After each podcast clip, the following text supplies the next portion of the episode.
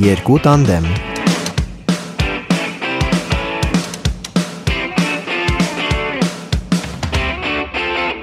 Չմեկել է հայկական ոդքասթ Spotify-ում։ Այո, էլի մարդիկ, սա հայկական ոդքասթ է եւ դուք մեզ լսում եք ոչ միայն Spotify-ում, այլև կարող եք մեզ լսել մյուս հարթակներում եւս, որոնք են այդ հարթակները։ Ռադիոյով կարող եք լսել։ Մենք ռադիո ոդքասթ ենք առաջին նախ եւ առաջին հերթին։ Սիրելի Կարլանահիտը քո աշխատավարձը չի բարձրացնելու։ Չեմ սիրում այդպեսի բաներ։ Իզուր ը, այդպիսի ջանքեր մի գործադրիր։ Ուզում ես ասես, մենք այն 4 ընկերներն ենք, որոնք անում են ոդքասթ ու Անահիտը չի բարձրացնի իմ աշխատավարձը։ Որովհետև 4-ից մեկն էլ է Անահիտ։ Այո։ Դե այո։ Իսկ մնացած 3-ը Կարլը, Վեգան եւ Համլետը։ Ինչ իմացար։ Սիրելի Կարլ, ինչ որ առյուծ ես կտրում այսօր ուզում եմ հասկանալ։ Սիրելի Կարլ, ինչու առաջինը չտվեցիր իմ անունը։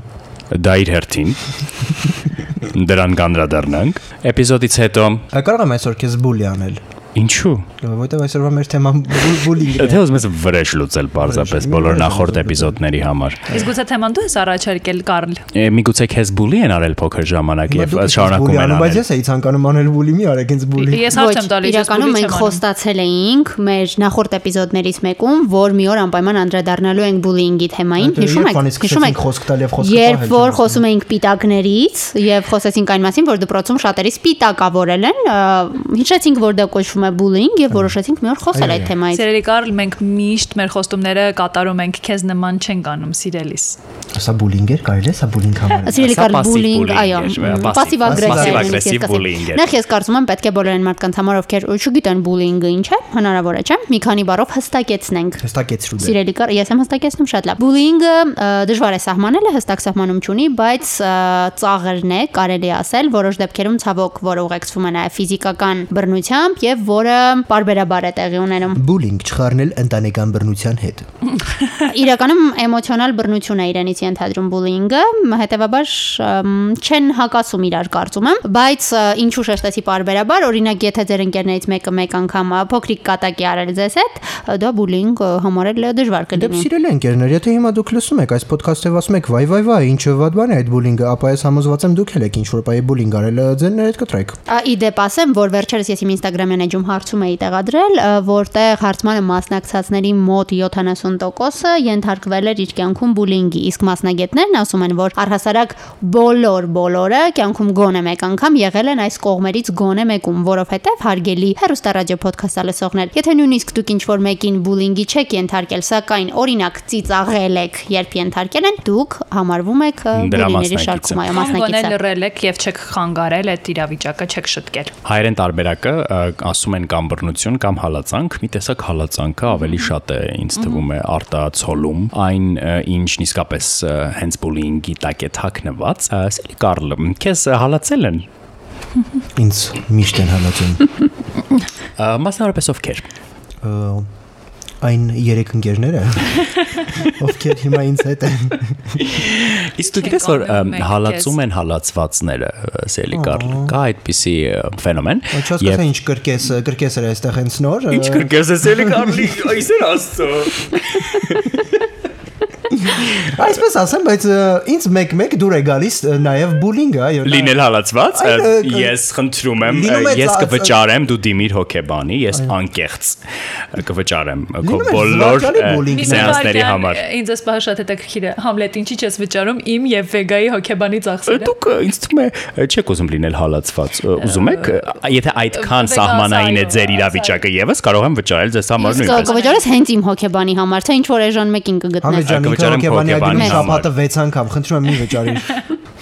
Վեգայի դեպքը լուրջ է։ Սելի Կարլ, ինչ է նշանակում ես սիրում եմ լինել հալածված։ Չէ, լինում են չէ ընկերներ, ում կողմից բուլինգը sense ոնց որ քաղցր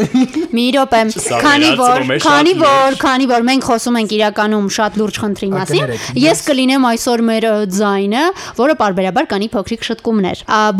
ա, վերաբերում է այն դեպքերին, երբ դու այդ կատակներից քեզ վատ ես զգում։ Հա, շատ լավ։ Երբ ընկերական հումորիկները, որոնք քեզ ծիծաղեցնում են, լուրջ bullying չեն համարվում, այդ կատակով bullying է, անունը լսել ենք, ասում ենք։ Ինչպես հասկացաք, Կարլիս հալածում են ամեն օր, դրա համար անդրադառնանք մյուս մարդկանց, ովքեր այս սեղանի շուրջ նստած են, մասնավորապես Վեգային։ Ես թերևս ամոթով կնշեմ, որ եթե շատ անկեղծ լինեմ եւ փորձեմ արդար աչքով նայել ինքս ինձ, իսկապես էլ եղել եմ այս իրավիճակի երկու կողմերում էլ, թե ենթարկվել եմ բուլինգի, թե ինչ որ պահին որոշ հանգամանքներից կամ հոգեբանական խնդիրներից ելնելով եղել եմ բուլինգի ենթարկողի դերում, բուլի, այսպես ասած դերում, Հալածողի։ կողմերում էլ եղել եմ, այո։ Իսկ ես կարող եմ հարց տալ։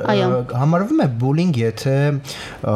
հալածվողը ներկապային քեզ մոտ չի եղել եւ զուտ ընկերներով խոսացել եք։ Դա կոչվում է բամբասանք, կարծում։ Ա, Եթե այդպես լիներ, մենք բոլորը սարսափելի բուլիներ կլինեինք, ցիրիկալ, հատկապես ես։ Ինձ կձերբակալեին բուլինգի հոդվածով, նույնիսկ եթե այդպեսին չկա։ Իդեպ կա այդպիսի հոդված։ Գոնե դպրոցի դեպքում, այսինքն եթե խոսում ենք դպրոցի մասին, իսկ ուսումնասիրությունները ցույց են տվել, որ սովորաբար բուլինգի դեպքերը ամենահաճախը տեղի են ունենում հենց ուսումնական հաստատություններում, դպրոցներում, համալսարաններում, երբեմն ցավոք նաև մանկապարտեզում եւ այլն։ Հայաստանում ոչ, բայց աշխարի տարբեր երկրներում, օրինակ Ամերիկայի որոշ նահանգներում կա այսպիսի փաստաթուղթ, որը գոնե նախատեսում է բուլինգի դեմ պայքարի որոշ ձևեր, որոնք առանձին դպրոցներն այսպես ասած ворթեգրում են։ Այսինքն չեն падժում, բայց փորձում են գոնե կանխարգելել եւ ինչու ոչ նաեւ հետագայում աշխատանք իրականացնել այն երեխաների հետ, որոնք ենթարկվել են հոգեբանական ճնշումների։ Եվ իրականում օրենքի կարգավորումը այստեղ այդքան էլ կարեւոր չի, որովհետեւ այս տեսակ հարաբերությունները օրենքով կարգավորելը դժվար է, բայց օրինակ կարելի է եւ պետք է շատ լուրջ ուսումնասիրություն անցկացնել նախ վիճակին տիրապետելու համար հանրապետությունում եւ դրան գումարած օրինակ ուսումնական հաստատությունների դասավանդողների, ուսուցիչների հետ եւ նաեւ ծնողների հետ աշխատանք պիտի տարվի, որպեսզի մարդիկ իմանան ինչպես պահեն իրենց այդ իրավիճակում։ Իմ ընկերուհին ստիպված եղավ իր երեխայի դպրոցը երկու անգամ փոխել եւ մեկ անգամ ամենաթանկարժեք դպրոցը տանել Հայաստանի Հանրապետության, որից կրկին բուլինգի պատճառով պարզապես տեղափոխվեցին եւ անցան հերավար ուսուցման, որովհետեւ այլ կերպ պարզապես հնարավոր չի երեխայի այժմյան հոգեբանական վիճակում կազմակերպել կրթությունը։ Իսկ սա կարծում եմ պետության համար շատ վատ ցուցանիշ է։ Անայ դու երբևէ եղել ես հալածողի կամ հալածյալի, հալածվողի։ Ես ճիշտ ասած ուզում եի հիշել բուլի արել եմ երբևէ թե չէ, կարծում եմ չէ, որովհետև ինձ միշտ հետաքրքիր է դիմացի մարդու էմոցիան եւ դա ուղղակի տեսակի հարց է կարծում եմ։ Ես միշտ հոգ եմ տանում դիմացի մարդու զգացմունքների մասին եւ կարծում եմ, որ նույնիսկ երեխա ժամանակ է այդպես եղել, դրա համար կարծում չեմ հալածել։ Բայց եթե դեպքեր կան եւ ես չեմ հիշում, գուցե այդպես էլ կա, չէ՞, գուցե նույնիսկ չնկատես, որ դու էլ ինչ ես որ օրինակ ինքս հետո եմ միամտաբար վերլուծել ու հասկացել, որ ես երկար եմ դրա մասին մտածել, չեմ գտել այդ տեսակ դեպքեր, բայց ես իհարկե հալածվել եմ, սկսած արտաքինից, վերջացրած վարքագծի հետ կապված հումորիկներով կամ այն տեսակ վարքագծով, որը հետո դարձել է իմ կյանքի համար խնդիր եւ ձևավորել է մի շարք կոմպլեքսներ իրականում։ Դե գիտեք, ստանդարտների մասին, որ խոսում էին գեղեցկության մաշկի գույնը ասացից, դա դպրոցում ամենաակտուալ թեման էր, որովհետեւ մի քիչ տարբերվում է Դասընկերների կողմից։ Այո, եւ ոչ միայն դասընկերների, այլ դպրոցի եւ երկրորդը իրականում շատ նման է պիտակավորմանը, որովհետեւ երբ նաեւ դու մի քիչ տարբերվում ես արտաքինով եւ նաեւ օրինակ ես սովորել եմ թեքումով դպրոցում, որտեղ ավելի շատ տղաներ էին եւ հատկապես մեր դասարանում ես մենակ աղջիկ էի, պատկերացնում եք չէ, դեռահասության շրջանում քեզ շատ են սիրահարվում եւ այլն եւ այլն, հետո այդ տղաները փորձում են հասկացա խնդիր տղաների լինել։ թեքումով դպրոց էր, այո։ Տղաների թեքումով դպրոց էր, հա։ Ինձ տարել էին տղաների թեքումով դպրոց։ Եվ փորձում են հետո վրեժ խնդիր լինել քո Այո։ երևի պատասխան չստանալուց համապատասխան եւ շատ վատ բաներ էին իմ մասին ասում եւ տարածում եւ ես միջև հիմա ունեմ այդ խնդիրը կոմպլեքսները եւ նույնիսկ երևի մարդկանց վստահելու հարցում ես կարծում եմ որ շատ խիստ խնդիրները ձևավորվել են հենց դպրոցական տարիներին մի մի օրեք այդպես մի օրեք չի կարելի ես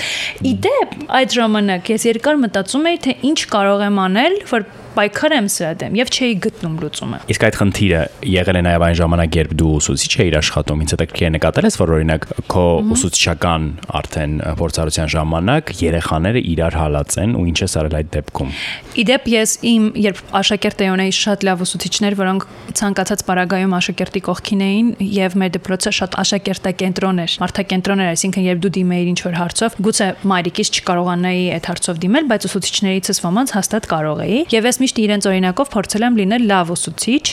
ու այո, իհարկե ժամանակակից դպրոցներում հատկապես կա բուլինգ եւ դա ամենատարբեր արտահայտումները ունի։ Ցավոք երբեմն հենց ուսուցիչների կողմից սիրելի համլետ։ Նաեւ, այո, բայց այն դեպքում որտեղ ես էի աշխատում, չեմ նկատել ամեն դեպքում ուսուցիչների կողմից այդ տեսակ բան, բայց մենք նույնիսկ կոլեկտիվով նստում եւ քննարկում էինք այս կամ այն հարցը, եթե նույնիսկ մեզ չէին դիմել, մենք դե կողքից նկատում ենք բնականաբար եւ երբեք չենք ասել, որ դա մեր գործը չի, դա քո գործն է, որովհետեւ դու ես մեծը եւ մանկավարժը։ Մենք հավաքվում քննարկում ենք տարբերակներ, ինչպես կարող ենք լուծել այդ կոնֆլիկտը եւ աշխատանքը տարվում էր համակողմանի, այսինքն եւ մի կողմի եւ մյուս կողմի հետ էինք խոսում, նույնիսկ առանձին առանց երեխաների իմացության ծնողների հետ էինք խոսում։ Իրականում ես կարծում եմ, որ այդ խնդիրը գալիս է ընտանիքներից եւ պիտի ցանկացած պարագայում գրթել ծնողներին, նոր անցնել երեխաներին։ Բոլորդ խոսեցիք, ես էլ ասեմ իմ պատմությունը։ Ինձ թվում է դու հալածողի դերում ես եղել, ճիշտ է՞։ Ճիշտ է, այդքան վստահ։ Որովհետև դու լռում ես։ Ես չեմ լռում, ես կացելիորեն լռում ես։ Եվ հարցեր ես տալիս։ Դա իմ մասնագիտությունն է։ Ինչև է։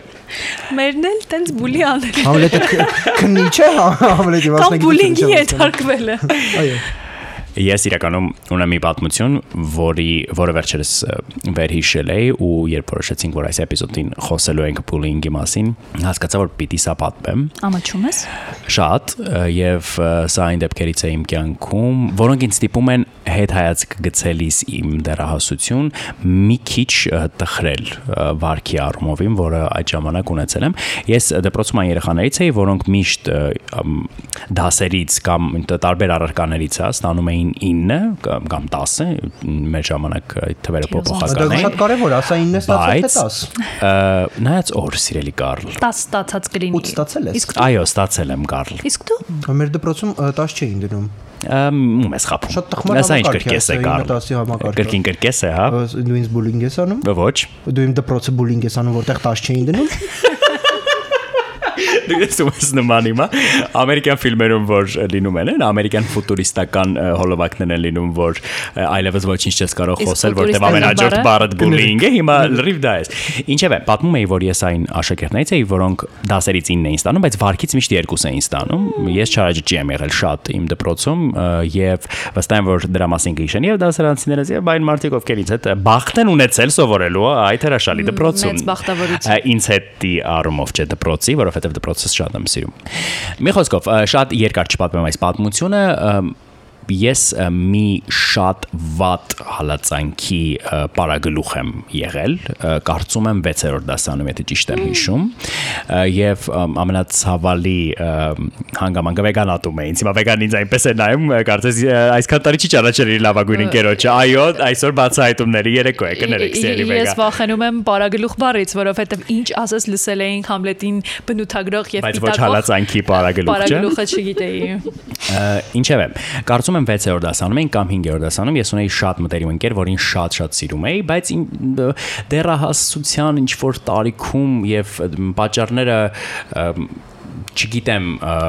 իրականում որոնք էին, մեր մեջ սկսվեց ինչ որ տոքսիկ մրցակցություն եւ այդ մրցակցությունը հասավ մի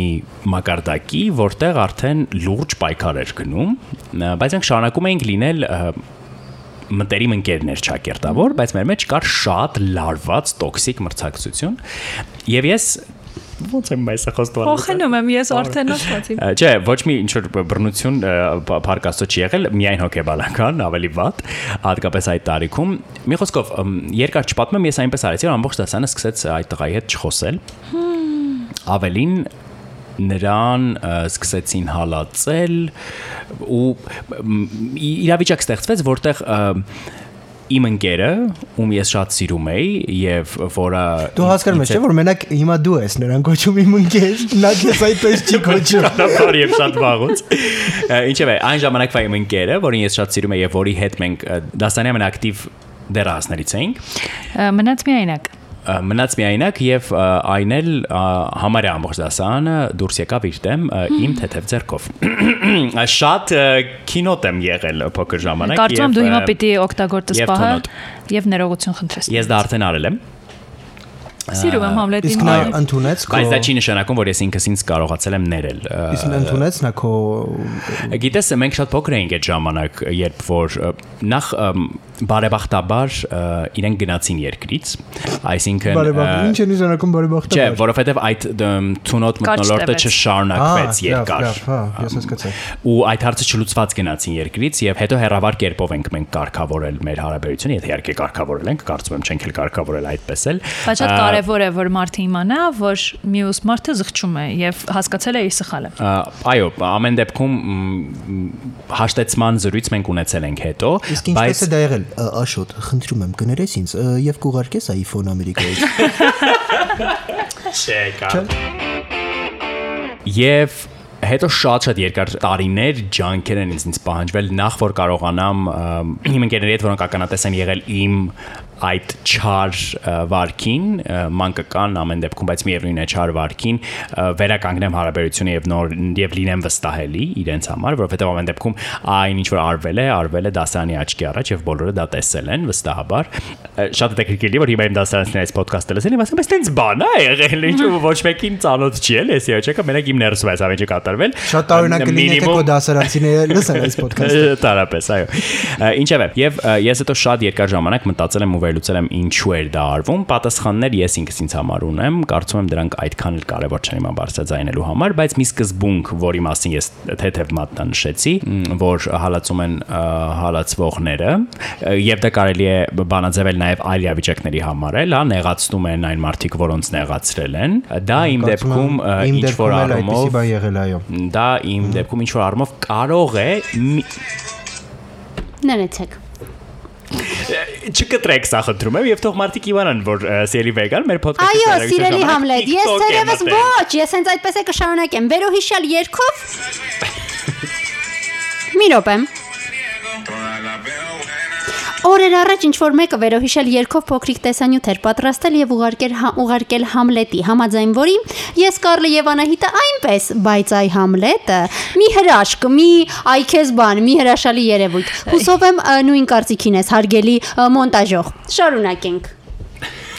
Ուզում ես ասես որ քեզ բուլինգ են ընդարկում Ա, Ոչ, սիրելի Համլետ, Ըստ արժանվույն մեզ չեն գնահատել։ բայց իրականում Համլետը ճիշտ մի Մի բան վարքյան, ասաց։ կարող եք արժևորել այն, որ ես հիմա պատմեցի մի պատմություն, որի մեջ իսկապես կա անկեղծ մեծ զղջում եւ ցավ այն առումով, որ շտկել ես դա այլևս չեմ կարող։ Ինչի է դա վերածվել իմ կյանքում, հետո ինքնաբերձության ա, արդյունքում հասկացել եմ, որ դա վերածվել է հասարակական գերպատասխանատվության այս տարիքում արդեն։ Այսինքն ես փորձում եմ այդ բացը լցնել կամ ը, սխալից տեղը հանել, ինչպես ասում են, հիմա հասարակական գերպատասխանատվություն դրսևորելով եւ իսկապես այդ դեպքից հետո իմ կյանքում ոչ թե այդ դեպքից, այլ այդ դեպքից Գիտակցումից եւ զղջումից հետո իմ կյանքում շատ բան է փոխվել եւ դրա համար է որ միգուցե դուք նաեւ հիմա զարմանում եք, որ Դու կարող էիր այդ տեսակ որ բան անել։ դերում ես եղել եմ։ Բայց այստեղ շատ կարևոր բան կա։ Եկեք Համլետի Հպարտենք նախ Համլետը։ այո, պատմությունից դաս քաղենք։ Ես վստահ եմ, որ մեզ լսում են նաև շատ դերահասներ եւ այս հատվածը կարող է իրենց համար շատ կարևոր Ինչպես թե լինել։ դու Կարլ չես գրել 18+ ոդքասթի վրա 18 հրապարակել պլյուս ես։ չի մեր։ Դերահասները դա 18 պլյուս 18 18 չի մեր 18 պլյուսները դերահաս։ Մենք ասել ենք Tinder եւ sex բառերը։ Ամեն դեպքում 18 պլյուս չի մեր ոդքասթը։ Շարունակենք թերևս։ Ես ուզում եի ասել, որ մի բան է իհարկե հրաշալի բան է իհարկե զղջումը եւ գիտակցումը սխալի եւ հետո քայլեր ձեռնարկելը օրինակ ինքը քեզ ներելու կամ դիմացին այդ որ քեզ ների, բայց այնուամենայնիվ սա կարող է իհարկե ունենալ անդառնալի հետևանքներ եւ մենք երբեք չգիտենք թե մեր դիմացի մարդը ինչ հոգեվիճակի է հասել մեր արած քայլերի պատճառով, մեր ասած մի բարի պատճառով, առհասարակ մենք մի քիչ պիտի ավելի լուրջ մոտենանք այն ամեն ինչին, ինչ մենք անում ենք եւ պատասխանատվություն ունենանք մեր ամեն ասած բարի համար։ Էնպես որ ավելի հեշտ է իրավիճակը կանխել, այսինքն եթե օրինակ դուք զգում եք, որ վատ բան եք անում կամ չգիտեմ, ուզում եք մի վատ բան անել, մի պահ ձեզ դրեք դիմացի մարդու տեղը եւ մտածեք, արդյոք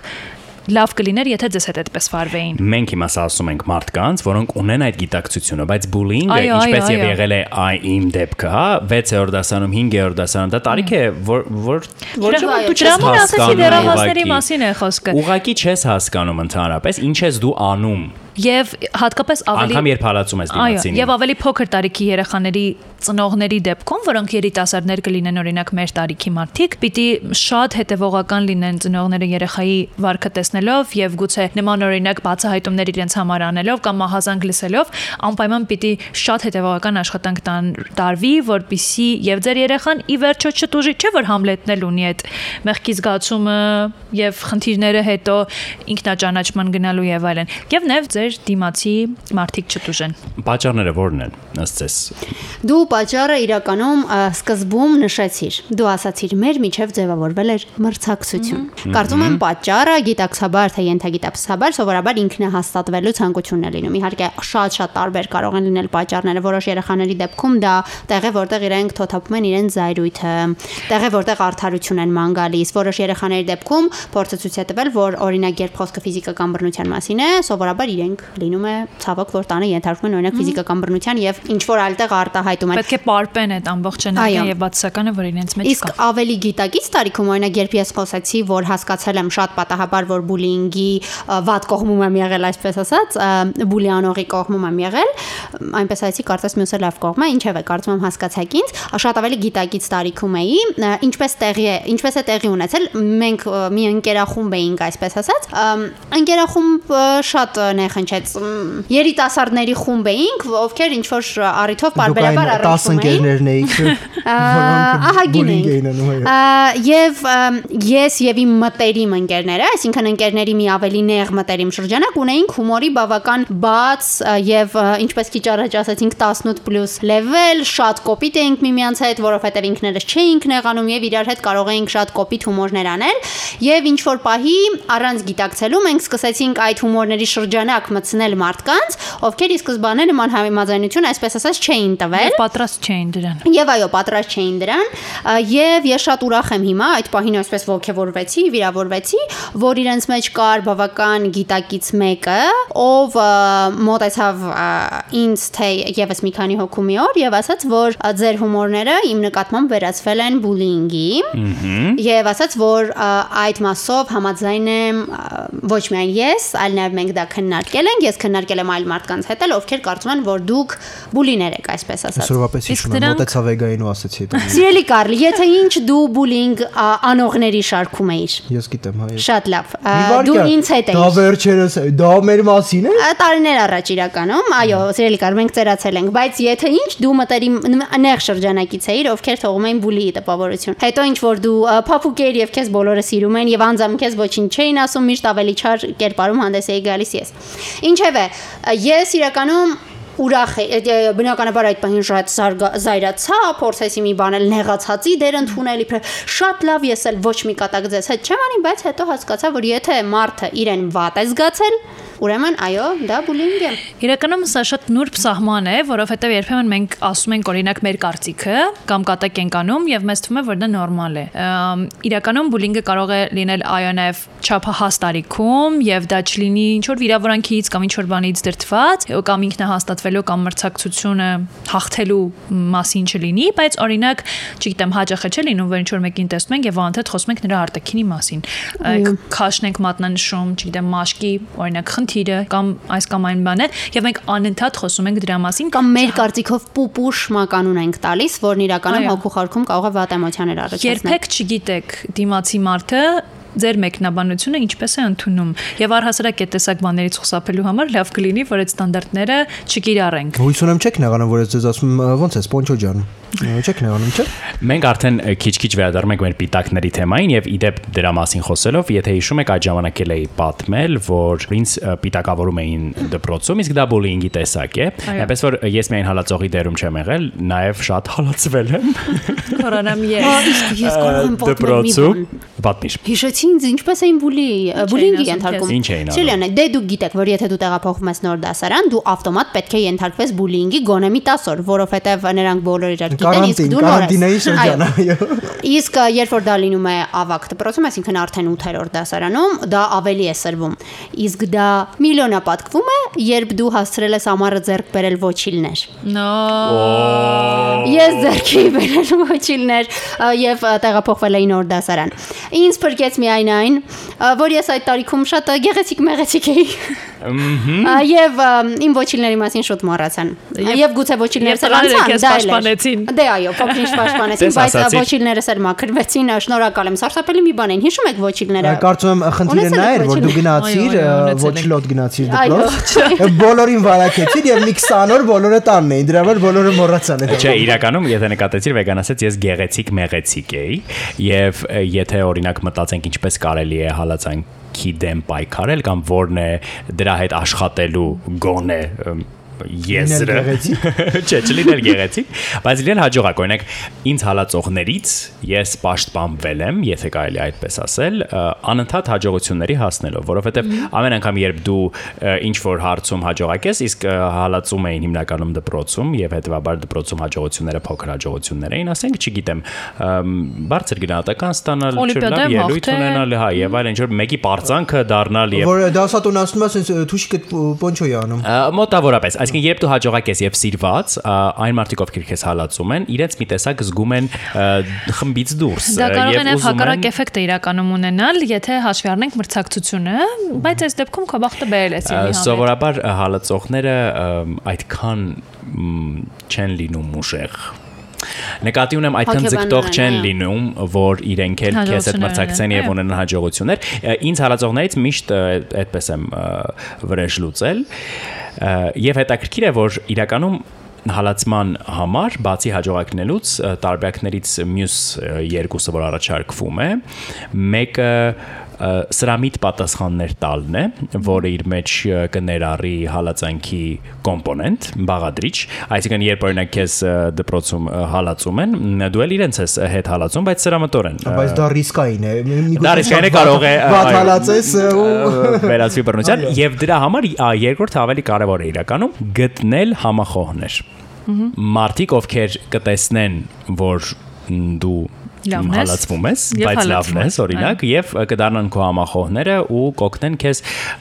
հալածողների դեմ Այ պայքարի։ այստեղ սիրելի Համլետ դժվարը հենց այդ համախոհների դերն է, որովհետև շատ հաճախ երեխան ամեն դեպքում չմոռանանք, որ դպրոցի պարագում երեխաների մասին ենք խոսում։ Ու այդ նեյտրալ մարդիկ իրենք երեխաներ են, դժվար է իրենից պահանջել եւ ասել խիզար եղիր, գնա կանգնի հալածվողի կողքին, որովհետև այդ չեզոք անձն էլ վախենում է, որ փոքր ինձ էլ հալածի իմ համար սենց այն կանգնած եմ նստած եմ։ Եթե դպրոցի մասին ենք խոսում, համախոհները կարող են լինել մեծահասակները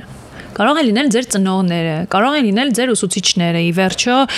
ավելի բարձր դասանում սովորող ընկերները ենթադրենք։ Այդ դեպքում ընդհանրապես պիտի խիզախել եւ այդ քայլը անել, փորձել ինչ որ մեկին պատմել խնդրի մասին։ դա կարող է կրկին հակառակ ազդեցություն։ Մեր հիշիր մեր մեր դասանյային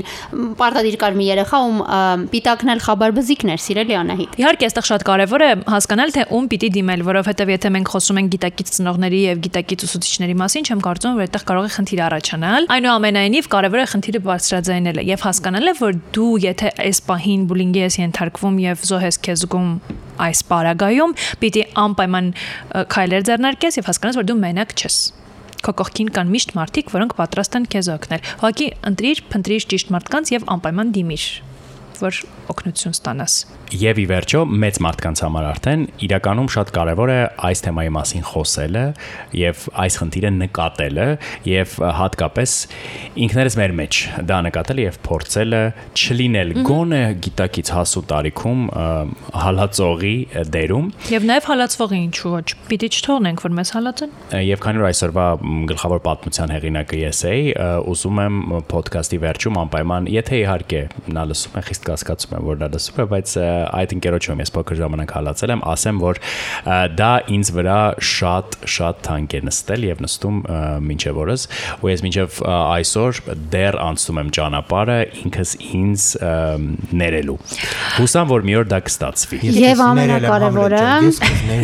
Մենք դիմեցինք այն մարդկանց, ովքեր բուլինգի ենթարկողի դերում են։ Մի կարևոր բան նաև այն մարդկանց, ովքեր ենթարկվում են բուլինգի, միշտ հիշեք, որ այն բոլոր բարերը, որոնցով ձեր ձեզ կոչում են, այն բոլոր հալածանքները, որոնց դուք ենթարկվում եք, ձեր մասին չեն։ Դուք մեղավոր չեք եւ այդ բոլոր խնդիրները իրականում ձեզ բուլինգի ենթարկողի հոգեբանական խնդիրներն են։ Հիշեք, որ ոչ մի դեպքում այդ բարերից եւ ոչ մեկը ձեր հոգուն մոտ չպետք է թողնեք։ Բայց դա չի նշանակում, որ պիտի լռել։ Պայքարելը եւ խիզախելը միշտ խրախուսվում է։